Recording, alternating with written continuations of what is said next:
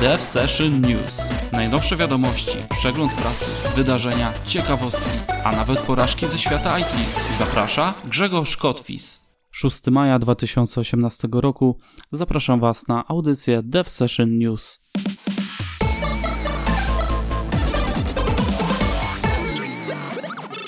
Zaczynamy od świata JS. Pojawi się Babylon JS 3.2. Jest to otwarty framework do pracy z grafiką, wizualizacjami czy, gra, czy grami 3D w aplikacjach webowych. Wydano Elektrona w wersji 2.0. Electron to framework do budowania aplikacji desktopowych z użyciem JavaScript. Pojawił się Angular w wersji 6. Jest to główne wydanie wraz z projektami towarzyszącymi, które również uzyskały taką wersję, aby wszystko było jasne. Mowa tutaj o Angular Material czy CLI, czyli Command Line Interface. Jednocześnie powiadomiono o rozszerzeniu Long Term Support dla głównych wydań. I tak od wersji czwartej wszystkie główne wydania będą posiadały 18-miesięczne wsparcie, z czego 6 miesięcy po wypuszczeniu to będzie aktywne rozwijanie, a pozostałe 12 dostarczanie poprawek bezpieczeństwa i łatanie błędów krytycznych. Na koniec świata JS wspomnę tylko, że pojawił się nowy Webpack wersji 4.7. Światło dzienne ujrzał GCC 8.1, czyli GNU Compiler Collection. Jest to główne wydanie zestawów kompilatorów rozwijanych w ramach projektu GNU. GCC jest powszechnie używany w systemach Linuxowych i zawiera kompilatory dla takich języków jak C, C++, Objective-C, Fortran G-Fortran, Java czy Ada. Wydano Unity 2018.1, czyli jeden z popularniejszych silników do gier. Wśród głównych nowości znajdziemy Scriptable Render Pipeline, czyli SRP, który umożliwia konfigurowanie i pracę z GPU przy użyciu C-Sharpa, bez wnikania w bebechy w C++. ASP.NET Team nie zwalnia tempa i wypuścił kolejną wersję frameworka Blazor o numerze 0.3. Microsoft wydał nowego .NET Frameworka, aktualna wersja to 4.7.2.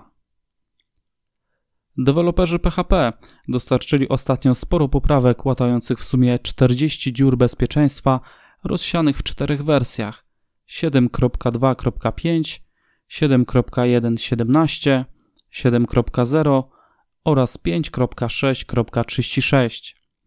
Zagrożenie jest duże i zaleca się upgrade PHP do ostatniej spaczowanej wersji. Google ogłosił nowy schemat wersjonowania SDK dla Google Play Service i Firebase. Według firmy może to wymagać od deweloperów zmiany sposobu, w jaki budują swoje aplikacje na Androida. Wszystkie zależności będą teraz używać semantycznego wersjonowania. Każda zależność będzie aktualizowana indywidualnie nie będzie konieczności ich jednoczesnej aktualizacji, będzie miała szybszy cykl usuwania błędów i dodawania nowych funkcji. Zmiany zaczną obowiązywać począwszy od wersji 15. Dostrzegłem projekt Pulumi, mający na celu stworzenie czegoś w rodzaju języka programowania chmury. Znalazł się on w fazie zamkniętych beta testów, to znaczy po rejestracji można zacząć go testować i dawać feedback do jego twórców. Pulumi ma umożliwić budowanie i zarządzanie infrastrukturą rozwiązań chmurowych za pomocą języków programowania. Jak piszą twórcy No More YAM, Templates or Vendor Login. Mozilla udostępniła witrynę What is Servo dotyczącą ich nowego silnika web mającego zastąpić aktualnie używany Gecko. Servo rozwijany jest od 2012 roku jest otwartym silnikiem web napisanym w języku Rust. Z założenia ma być szybki, bezpieczny i wykorzystywać architekturę wielordzeniową. Azure Virtual Network, w skrócie VNet, dostępne we wszystkich regionach. Wirtualne sieci pozwalają na bezpieczne łączenie ze sobą zasobów Azure, tworząc własną prywatną przestrzeń. Google udostępnił nową domenę najwyższego rzędu .app, przeznaczoną głównie dla aplikacji i deweloperów. Domena z założenia ma być bezpieczna, ponieważ wymaga certyfikatu i połączenia szyfrowanego. Cloud Composer to nowa usługa od Google'a, w pełni zarządzająca przepływem pracy, umożliwiająca tworzenie, planowanie i monitorowanie pipeline'ów, obejmujących rozwiązania chmurowe i lokalne. Zbudowana jest o popularny projekt open source Apache Airflow i programowana za pomocą języka Python.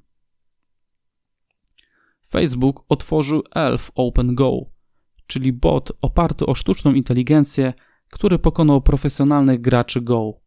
Do naszych rąk trafia wytrenowany model, który posłużył do jego stworzenia. Można powiedzieć, że ten bot to prawdziwy niszczyciel. W serii gier przeciwko Lela Zero, czyli innemu botowi, wygrał 198 gier, odnosząc tylko dwie porażki. W rozgrywce z czterema graczami znajdującymi się w pierwszej 30 światowego rankingu nie przegrał ani razu. Udostępniając ten projekt, Facebook chce zainspirować innych do myślenia o nowych rozwiązaniach i kierunku badań dla tej technologii. Kolejna wiadomość także związana jest z Facebookiem i otwarciem swojego wewnętrznego projektu. Mowa o PyTorch, frameworku, który jest takim miksem machine learning i deep learning, używanym do trenowania dużych modeli danych w Facebooku. Jednym z zastosowań PyTorch jest tłumaczenie tekstów, z którym mierzy się 6 miliardów razy dziennie. Póki co dostaliśmy tylko roadmapę, ale pierwsze wydanie zapowiedziane jest na za 6 miesięcy. Firma Sony rozdaje urządzenia deweloperom, no ale nie tak za darmo i nie każdemu. Sony wystartował z inicjatywą Hero Open Source Developer, dzięki której za kontrybuowanie do projektu AOSP, czyli Android Open Source Project, dla urządzeń Sony, czyli głównie pewnie urządzeń z serii Xperia, mamy szansę zdobyć w drodze losowania odbywającego się co 3 miesiące jakieś urządzenie tej firmy. Póki co nie wiadomo jakie. Stack Overflow na swoje dziesiąte urodziny w prezencie udostępnił użytkownikom Stack Overflow for Teams, czyli taką prywatną przestrzeń dla zespołów, firm, gdzie pewne informacje nie mogą wyjść na jaw. Dostajemy dostęp do wszystkich funkcjonalności, które oferuje Stack Overflow, co może być dobrym miejscem na stworzenie bazy wiedzy, wykorzystanie znanego chyba wszystkim sposobu działania tej platformy. Dodatkowo otrzymujemy coś takiego jak guided onboarding dla nowych użytkowników, ulepszenia w obszarze obserwowania tagów i powiadomień oraz integrację ze Slackiem. To wszystko dostępne także przez API. Usługa nie jest darmowa. Aktualnie ceną wyjściową jest 10 dolarów miesięcznie za 10 użytkowników. Każdy kolejny to dodatkowe 5 dolarów miesięcznie przy płatności z góry za cały rok. Jest też oferta Enterprise o jeszcze większych możliwościach z ceną oczywiście do negocjacji.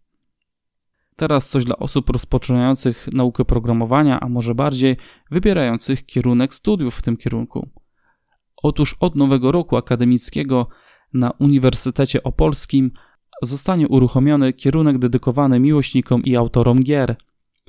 Nowy kierunek studiów jest adresowany zarówno do osób zainteresowanych badaniem gier jako tekstów kultury, ich struktury oraz ich powieści, jak i tych, które poszukują konkretnych kompetencji przydatnych w poszukiwaniu pracy na rynku gier. W programie studiów znaleźć można kursy przygotowujące do tworzenia gier, zarówno od strony narracyjnej, jak i projektowania samych gier i na przykład ich poziomów, grafiki oraz podstawy programowania. Ponadto studenci znajdą zajęcia z tłumaczenia gier oraz poznają charakterystykę rynku wydawniczego i podstawy prawa autorskiego. Według informacji uczelni, absolwenci nowego kierunku będą posiadać kompetencje przydatne m.in. w zawodzie projektanta gier, grafika, scenarzysty, dziennikarza growego, tłumacza i testera gier. Na studentów czeka tylko 15 miejsc na studiach licencjackich i magisterskich.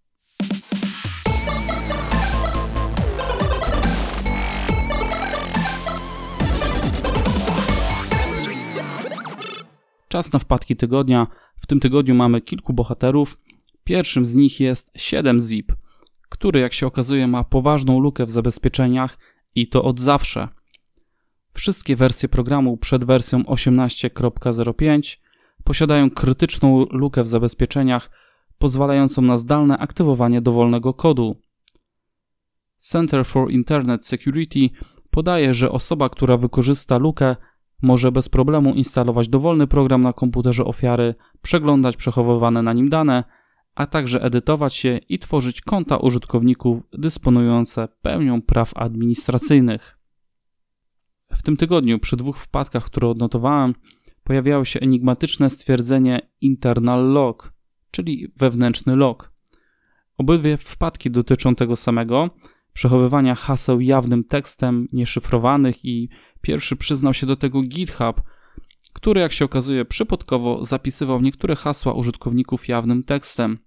Jak sam GitHub mówi, nie jest to duża wpadka, gdyż te hasła trafiały do wewnętrznych systemów logowania GitHuba i miało do nich dostęp niewielka grupa pracowników. Osoby, które załapały się do tej puli, można powiedzieć, dostały stosownego maila z prośbą o reset hasła.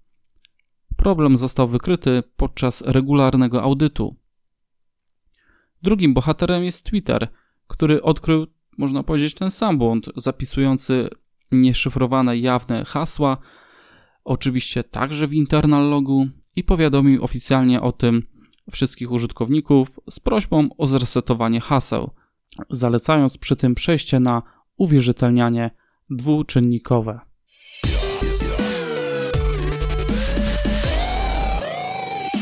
Wydarzenia, które odbędą się w nadchodzącym tygodniu, e, przedstawiałem w poprzedniej audycji, w audycji numer 8, e, ale doszło jeszcze jedno wydarzenie.